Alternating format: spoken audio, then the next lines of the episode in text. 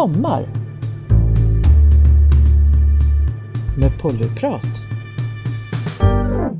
Varmt välkomna till Sommar med Pollyprat. Och i vårt första sommarprogram så får vi möta Malin Wahlstedt. Hon är journalist och har levt Polly många år. Hon berättar om sin resa.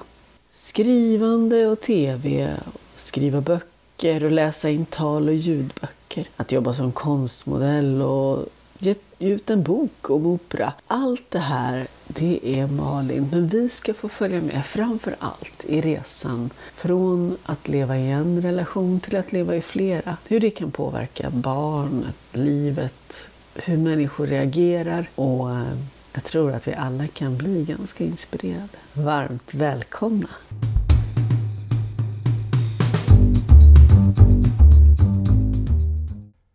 Det är svårt att komma i åtnjutande av alla de män man vill ha, ens om man begränsar sig till de där intresset är ömsesidigt.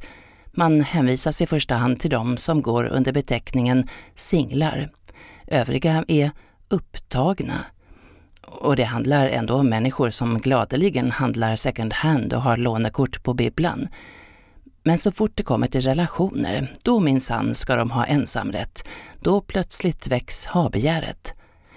Jag brukar ändå fråga i hopp om att någon av dessa unga, moderna människor ska ha intagit en mer progressiv hållning även när det gäller relationer. Men det tycks närmast omöjligt att få in i en hardcore monogam skalle att man faktiskt kan äta kakan och ha den kvar. Och inte bara en, utan sju sorters kakor. Så himla snålt och inte kunna dela med sig av sina partners jag lovar, jag lämnar tillbaka honom efteråt, i skick som ny eller rent av bättre. Han kommer att komma hem full av ny inspiration och nya kunskaper. Jag kan inte begripa varför folk ens vill ha hela ansvaret för en partner på heltid. Fy så jobbigt.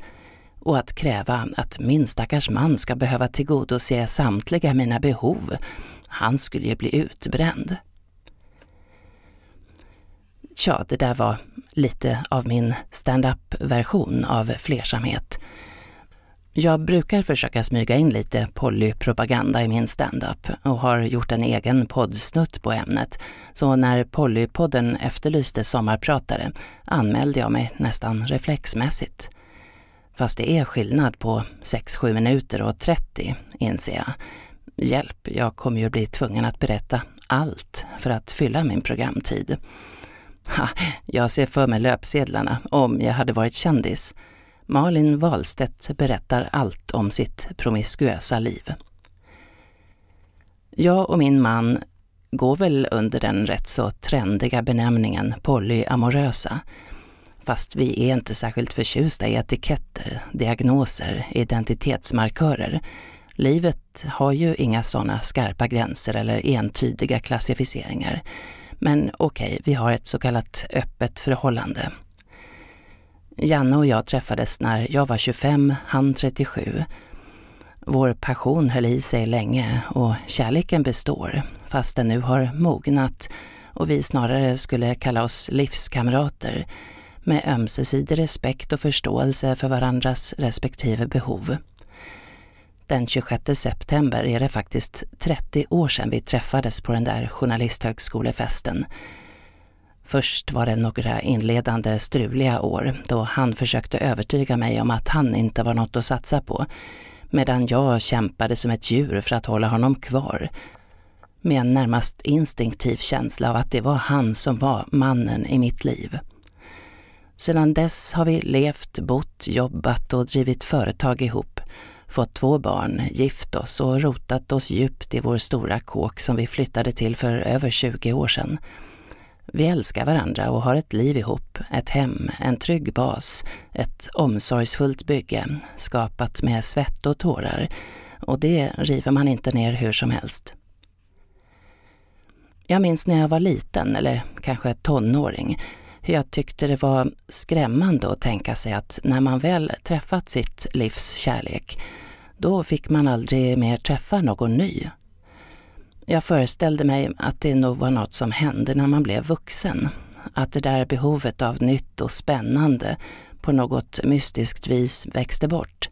Att det var omoget att gå omkring med listor över killar man var kär i och försöka rangordna dem. Samtidigt var jag stolt över att min mamma minsann hade älskare som kom hem till oss när pappa var bortrest. Först när jag berättade om att jag och Janne träffade andra berättade hon att det faktiskt var en ömsesidig överenskommelse mellan mamma och pappa. Han träffade också andra, men det var inget vi pratade om.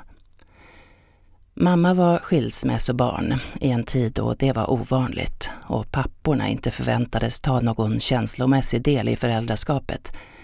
Hennes mamma satte sig själv och sitt arbete främst och placerade min mamma och hennes syskon hos en den ena, en den andra under föräldrarnas resor. Mamma bestämde sig för att hennes barn aldrig skulle behöva vara med om något liknande. Mamma och pappa var, eller blev, så olika men fortsatte att leva ihop i relativ harmoni med var sina tämligen frikopplade liv. Det där blev min bild av vuxenlivet, ett ideal, att leva självständigt. När jag berättade för mamma och hennes man om att jag och min börjat träffa andra så sa han att jag förstår inte hur ni fixar det där men det verkar ju funka för er. Mamma log nöjt i bakgrunden. Jag minns hur jag nästan blev generad när jag kom hem till kompisar och såg deras föräldrars sovrum med en stor dubbelsäng där halvorna var spegelbilder av varann och vems sida som var vems på sin höjd gick att utläsa i vilken bok, tidskrift eller veckotidning som låg på nattduksbordet. För mig signalerade det att de inte hade några egna personligheter. Det framstod som fattigt snöpt. Ändå fanns det där monogama idealet med som något slags yttersta mål att sträva efter. Under min första, eller andra beroende på hur man ser det, seriösa relation, en stark och romantisk förälskelse, gick jag hem med en annan kille från en fest där min pojkvän inte var med. Men väl hemma hos den andre blev jag liksom stel och kall när han började ta i mig. Det blev bara att jag sov över hos honom. Vi sov väl sked, men mer som vänner. Och jag blev glad, såg det som en bekräftelse på att jag inte kunde tända på någon annan när jag var kär igen. Ett slags kroppsligt skydd mot otrohet. Men bara någon månad efteråt, när jag skulle iväg på den långresa jag hade planerat sedan innan jag träffade pojkvännen, tog det bara en vecka innan jag hade sex med ett par killar i deras första klasskupé på Transsibiriska järnvägen. Resten av den drygt halvårslånga resan innehöll ytterligare ett antal tillfälliga sexuella förbindelser. Jag var oerhört kär i, saknade och längtade efter min pojkvän. Vi skrev långa kärleksbrev till varann. Men jag berättade inte om de andra killarna. För mig var de inte på något vis konkurrenter till min älskade pojkvän där hemma i Stockholm. Jag kände mig inte otrogen, fast jag visste att han skulle uppfatta det så, att det rent faktiskt var så. Efter drygt tio år tillsammans med min man började längtan efter något annat, något mer, att pocka på. Delvis berodde det nog på att jag faktiskt inte hade lekt klart när jag träffade min man. Jag var som sagt 25, men hade börjat rätt sent med kärleksliv och var helt enkelt inte mätt. Delvis handlade det om ett behov av en andhämtningspaus från det krävande småbarnslivet. Vår väldigt lugne och lätthanterlige son följdes av en väldigt krävande dotter som tidigt diagnostiserades med ADHD och autism. Hon var oerhört beroende av mig, klängde på mig och krävde min närvaro hela tiden. Jag behövde komma ifrån, slippa undan, åtminstone emellanåt. Jag rasade ner i depression och utbrändhet och ekonomin gick på knäna med ständigt röda siffror för vårt stackars företag. Jag tvingades välja mellan vilka räkningar som var viktigast att betala. Jag började dagdrömma om att vara otrogen. Dagdrömmarna växte till planer. Jag skrev rent av ner det som ett nyårslöfte till mig själv. Jag skulle testa att vara otrogen. Och så var jag det. Jag var så nyfiken på om den där otrohetsspärren, det kroppsliga kyskhetsbältet, skulle slå till. Men det gjorde det inte. Istället njöt jag något oerhört och gick som på moln därifrån. Jag tolkade, eller valde att tolka det, som att jag liksom inte var otrogen. Att det jag gjort inte inkräktade på eller ens hade att göra med det Janne och jag hade. Ungefär som de där tillfälliga förbindelserna under långresan jag berättade om. Hemma såg jag min man, min familj och mitt hem med nya, nyförälskade ögon. Det var, som jag såg det, win-win. Jag vet inte när vi började nämna att jag träffade andra.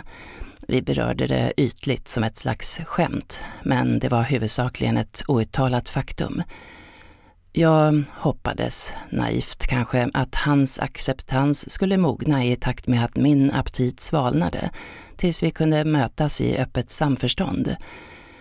Jag fortsatte och fortsatte och jävlar vad jag fortsatte. Jag fortsatte träffa den där snubben jag började med, men hade fått blodad tand, ville ha mer. Läste någonstans om att det fanns sajter för sexuella kontakter, sökte upp och registrerade mig. Alltså wow! Aldrig i mitt liv har jag överösts av en liknande flodvåg av åtrå. Oj, oj, oj. För att kunna välja ur detta ymnighetshorn upprättade jag ett Excel-ark med kolumner för namn, nickname, bostadsort, ålder, kukstorlek och andra väsentliga detaljer. Och så första dejten, och andra, och tredje. Jag njöt, åh så jag njöt, Sådana oerhörda kickar. Det fortsatte och fortsatte och nådde smått maniska nivåer. Hela livet gick snart ut på att hitta möjligheter, platser, stunder för en snabbis. Nu inkräktade det både på familjeliv och arbete. Det bör nog rubriceras som missbruk. Det tog en ände i förskräckelse när Janne hittade min noggranna förteckning över dejterna. En fruktansvärd chock som fick all hans tillit att rämna. Han sa att det var tur för mig att han var bortrest med ett dygn kvar innan han skulle komma hem. Att det var tur för mig att han inte hade någon pistol. När han kom hem, alltså den stämningen, den katastrofkänslan. Jag satt framför brasan med barnen i knät. Jag grät, de grät. Han stack iväg till sin brorsa tror jag. Det hör till, nej det är, mitt livs största skam. Aldrig har jag gjort någon så illa. Någon jag ju älskade. Skilsmässa var enligt honom det enda tänkbara, men vi måste sköta det snyggt med tanke på barnen. Han sökte upp en parterapeut, vi gick dit. Redan efter ett par tillfällen upptäckte vi att vi mest av allt höjde varann och vår relation till skyarna. Vi fick berätta var och en, terapeuten lyssnade mest, men det gör skillnad att ha en tredje person, som inte är inblandad, att prata inför. Efter tredje tillfället, tror jag, konstaterade terapeuten att han inte riktigt visste vad han skulle hjälpa oss med. Vi hade ju en fullkomligt transparent kommunikation, till skillnad från de flesta av hans klienter. Det gjorde oss stolta. Jag sa lite skämtsamt att vi borde räknas som fortbildning och att han borde sluta ta betalt. Och vi fick faktiskt ingen mer faktura, fast vi gick dit några gånger till. På väg hem från någon av de sista sessionerna kom vi på att vi ju faktiskt inte hade lust att skilja oss och insåg att vi faktiskt kunde strunta i det. Men det var lång väg tillbaka för att återupprätta min mans förtroende och tillit till mig. Jag lovade trohet. Vi skojade lite om att han skulle behöva nedlägga 57 tjejer innan vi var kvitt så att jag kunde fortsätta. Men han trodde inte att jag skulle klara det tyckte inte han kunde kräva det av mig, att det vore att göra våld på min natur. Han hade insett att det faktiskt var som jag sagt, att snubbarna jag träffat faktiskt inte var viktiga som personer. De flesta var i det närmaste ansiktslösa kickar och inget som på något sätt konkurrerade med honom eller med vårt gemensamma liv. Ja, förutom tiden förstås.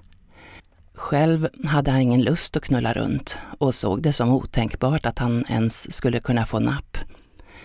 Det tog väl ett år och så började han skriva till en kvinna på Facebook, en vän till en gemensam vän.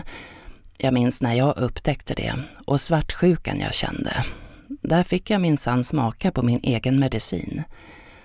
Det är nog den naturliga omedelbara reaktionen och i vårt fall även på grund av att han inte kan intressera sig för en kvinna utan att vara förälskad och vilja erövra henne till kropp och själ. Att hans tidigare relationer alltid hade tagit slut för att han träffat och förälskat sig i en ny kvinna. Om han träffade en annan skulle det vara ett betydligt större hot mot oss än vad mina någonsin varit. Tänk om hon skulle vara snyggare, hetare än jag. Tänk om de skulle bli så där akut förälskade att allt annat förbleknade och de skulle känna tvingande behov av att inte bara träffas ibland utan inte kunde vara utan varann, måste leva med varann på heltid. Att han skulle välja henne istället för mig. Men så idisslade jag den där känslan ett tag och insåg att jag varken kunde eller ville lägga in något veto. Svartsjukan består ju i en känsla av otrygghet, en rädsla för att bli oviktig, utbytt, bortglömd, bortvald, överflödig. Att bli kompletterad däremot snarare stärker grundrelationen. Man kan rent av påstå att det ju avlastar mig för ansvar för den del av hans önskningar och längtan som jag inte kan motsvara. En person kan inte tillgodose alla behov hos en annan. Det är väl i själva verket rätt omänskligt att vänta sig och kräva det. Det han och jag har kan inte han och hon ha. Det han och hon har kan inte han och jag ha. Man kan inte äga en annan människa Även om jag tycker att det finns mellan raderna i den förhärskande monogamin. Ja, även i vårt vardagliga språkbruk. Även jag säger ju min man, min andre man och så vidare. Inte heller i en monogam relation kan man försäkra sig emot att ens partner, eller man själv, ska träffa någon annan. Kanske är risken rent av större om de där lockelserna är tabu. I en monogam relation är det en oförlåtlig förbrytelse och, väl, vanligaste skälet till att förhållanden tar slut. Man måste försöka lita på den relation man har, värdera och vårda den tillräckligt högt och våga sätta den på spel, eftersom den ju faktiskt alltid står på spel. Inget kan tas för givet. Och det är en mäktig känsla att kunna glädjas åt sin partners andra relationer, önska dem lycka, lida med dem när det inte funkar och försöka hjälpa till att hitta lösningar. Min mans åttaåriga relation har nyligen tagit slut eftersom hon inte står ut med att vara den andra kvinnan. Hon gillar mig och jag henne, vi är vänner och har träffats. Det har redan från början varit tydligt att min man inte kommer att lämna mig och sin familj här för att starta på ny kula med henne. Det har hon heller aldrig önskat, men hon tycker att hon får för lite och har kommit att må sämre när han åker därifrån än hon mår bra när han är där.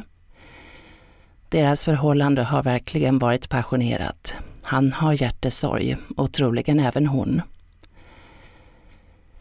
Min andre man och jag träffades för sju år sedan. Vi hade blivit Facebook-vänner genom en gemensam bekant och plötsligt visade det sig att vi båda befann oss i Malmö och kände behov av att träffa någon. Det visade sig att vi hade mycket gemensamt. Vi var båda utbrända och hade barn med särskilda behov. Det slog gnistor och vi träffades igen. Jag var lite nervös över att behöva resa så långt och tvingas övernatta jag var ju van vid snabbisar och tyckte det kändes kravfyllt att behöva umgås. Men det visade sig gå alldeles utmärkt och det uppstod aldrig några besvärande tystnader. Han skrev till min man och tackade för att han fick dela kvinna med honom eftersom han inte skulle orka med en hel tjej.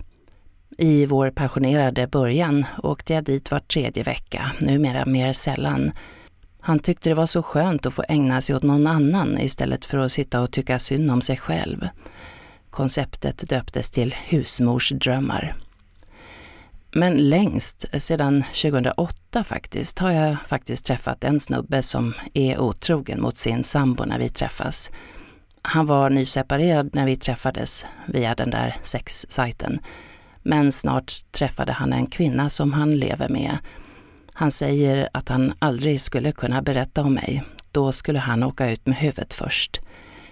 En förmildrande omständighet vad gäller hans otrohet är att hon inte gillar oralsex, vilket är något han inte kan leva utan.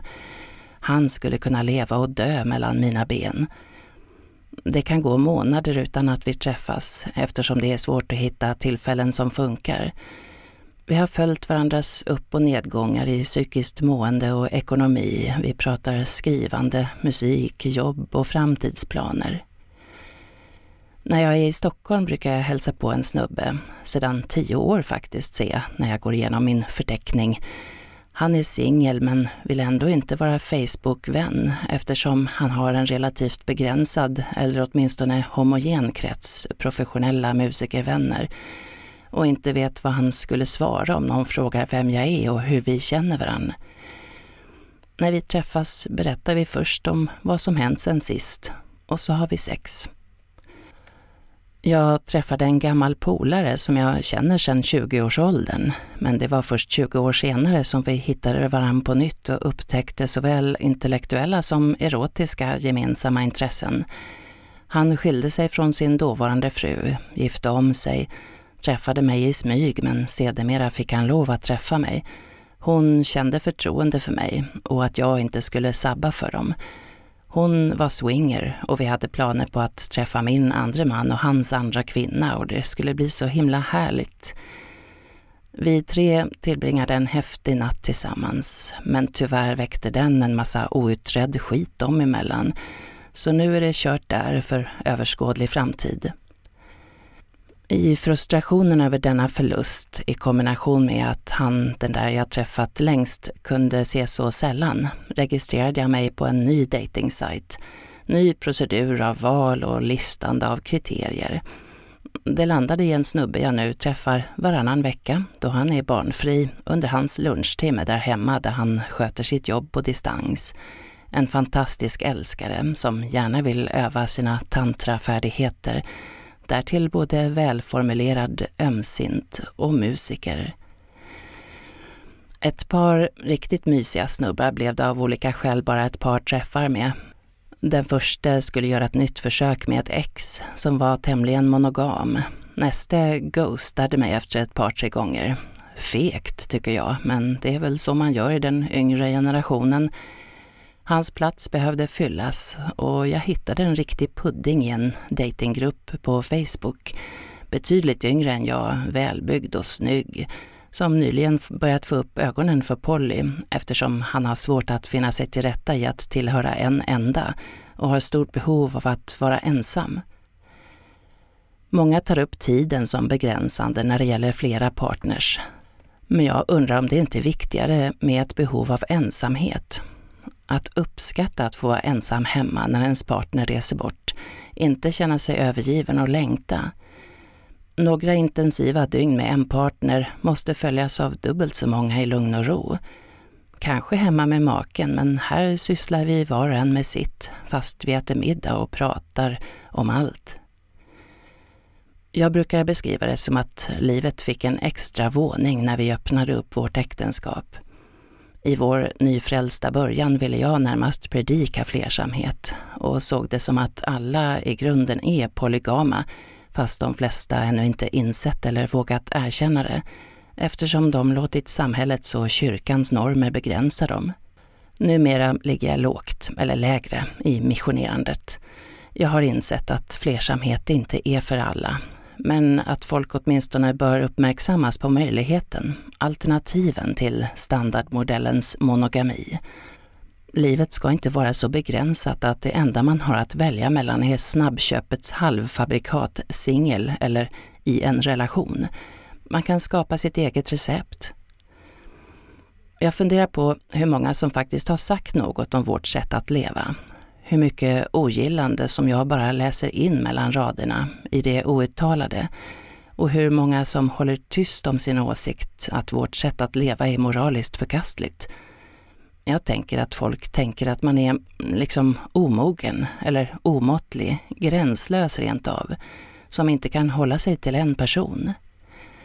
Idealet är det livslånga äktenskapet vi rörs väl alla i hjärtat av svanparen som lever ihop tills döden skiljer dem åt. Men även om det är idealet är väl normen snarare seriemonogami. Flera har sagt att de önskar de kunde leva som vi, men att de eller partnern aldrig skulle klara det. Svartsjukan. Några kvinnor har kontaktat mig och avundas mig, oss, undrat hur man gör, hur man börjar. Men istället har funderingarna slutat i att de skilt sig och träffat en ny. Mer än en gång har vi fått frågan varför vi inte skiljer oss. För att vi inte vill, tycks inte räcka som svar. Å andra sidan kanske det är jag, vi, som lägger in en värdering i frågan, fast den kanske bara är ställd utifrån nyfikenhet. Jag tänker mig att flersamhet känns hotfullt gentemot andras monogama livsstil. Att folk känner sig behöva avfärda vårt normupplösande sätt att leva. Jag föreställer mig att det uppfattas som att man är sexfixerad om man inte nöjer sig med en partner. Men är det inte snarare monogamin som är sexfixerad?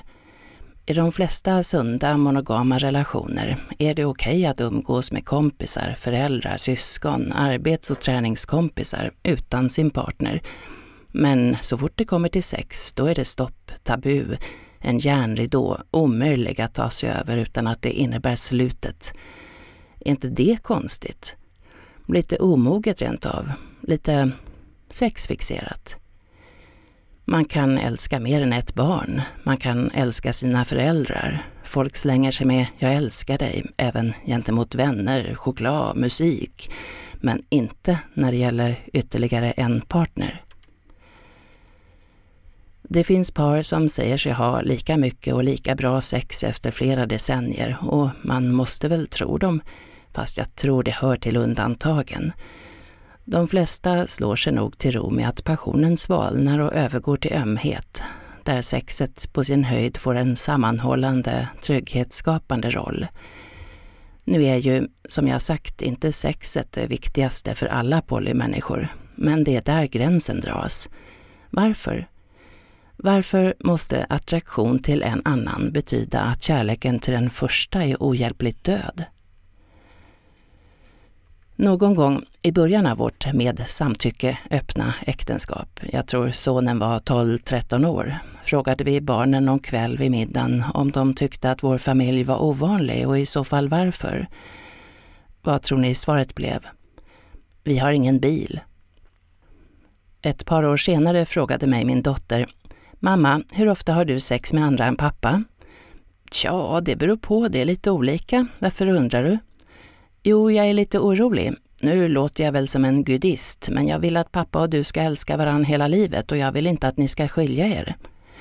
Nej, det behöver du inte oroa dig för. Vi älskar varandra och ska inte skiljas. Det är snarare mindre risk att vi tröttnar på det här viset. Och jag vet att det är jättelångt dit, men jag tycker faktiskt det är dags att vi börjar packa för Italienresan. I somras följde den då 22-årige sonen med mig och Janne till Hälsingland, där min andre man bor. Vi fick låna hans andra kvinnas, eller en av hans andra kvinnors, fantastiska gamla hus med lada, växthus och stor trädgård, ett litet lusthus med en gammal trähäst från en karusell. Vår dotter följde inte med. Hon är inte så förtjust i friluftsliv och trädgårdar, framförallt inte utan wifi och bredband. Hon identifierar sig dock som pansexual och har flera kärleksrelationer, om än bara en IRL och övriga över nätet. Janne och Stefan blir sittande till morgontimmarna innan de kan förmå sig till att gå och lägga sig. De har så mycket att prata om och de är så lika till utseende, intressen och sätt, även om mycket förstås också är olika. Det är lite lustigt att jag lyckas hitta någon som är så lik min förste man. Varför skulle jag ens behöva komplettera honom i så fall? Ja, det kan ju å andra sidan tolkas som att jag har säker smak. Min andre man har introducerat sonen för fiske och lärt honom att det godaste kaffet görs i en mockabryggare, helst på ett primuskök i naturen. Jag köpte en sån bryggare åt honom i födelsedagspresent förra veckan Sonen och jag firade även nyår där uppe, medan Janne stannade hemma för att inte vara en av de där oansvariga som struntade i pandemirestriktionerna. Och Och idag har jag precis vinkat av Stefan vid tåget efter fyra dagar här hos oss. Så nej, som svar till den äldre kvinna, eller om det är flera, i bekantskapskretsen som tyckte vår livsstil verkade egoistisk och fruktansvärd med tanke på barnen. Än så länge uppvisar de inga tecken på att vara traumatiserade av sin uppväxt. Nu har jag banne mig snackat i 30 minuter och ni har fått veta allt, utom de snuskiga detaljerna förstås. Lika delar försvarstal och skryt. Ja, ja. Lyssna gärna på min podd, Malins mästerverk, eller gå på stand-up någon gång när jag är med, oftast i Göteborg. Hoppas sommaren fortsätter vara så här härlig som den varit hittills och hoppas ni alla hittar ert recept för kärleksliv och relationer. Tack för mig. Du hittar Pollyprat på vår Facebook-sida och där poddar finns. Ställ gärna frågor till oss.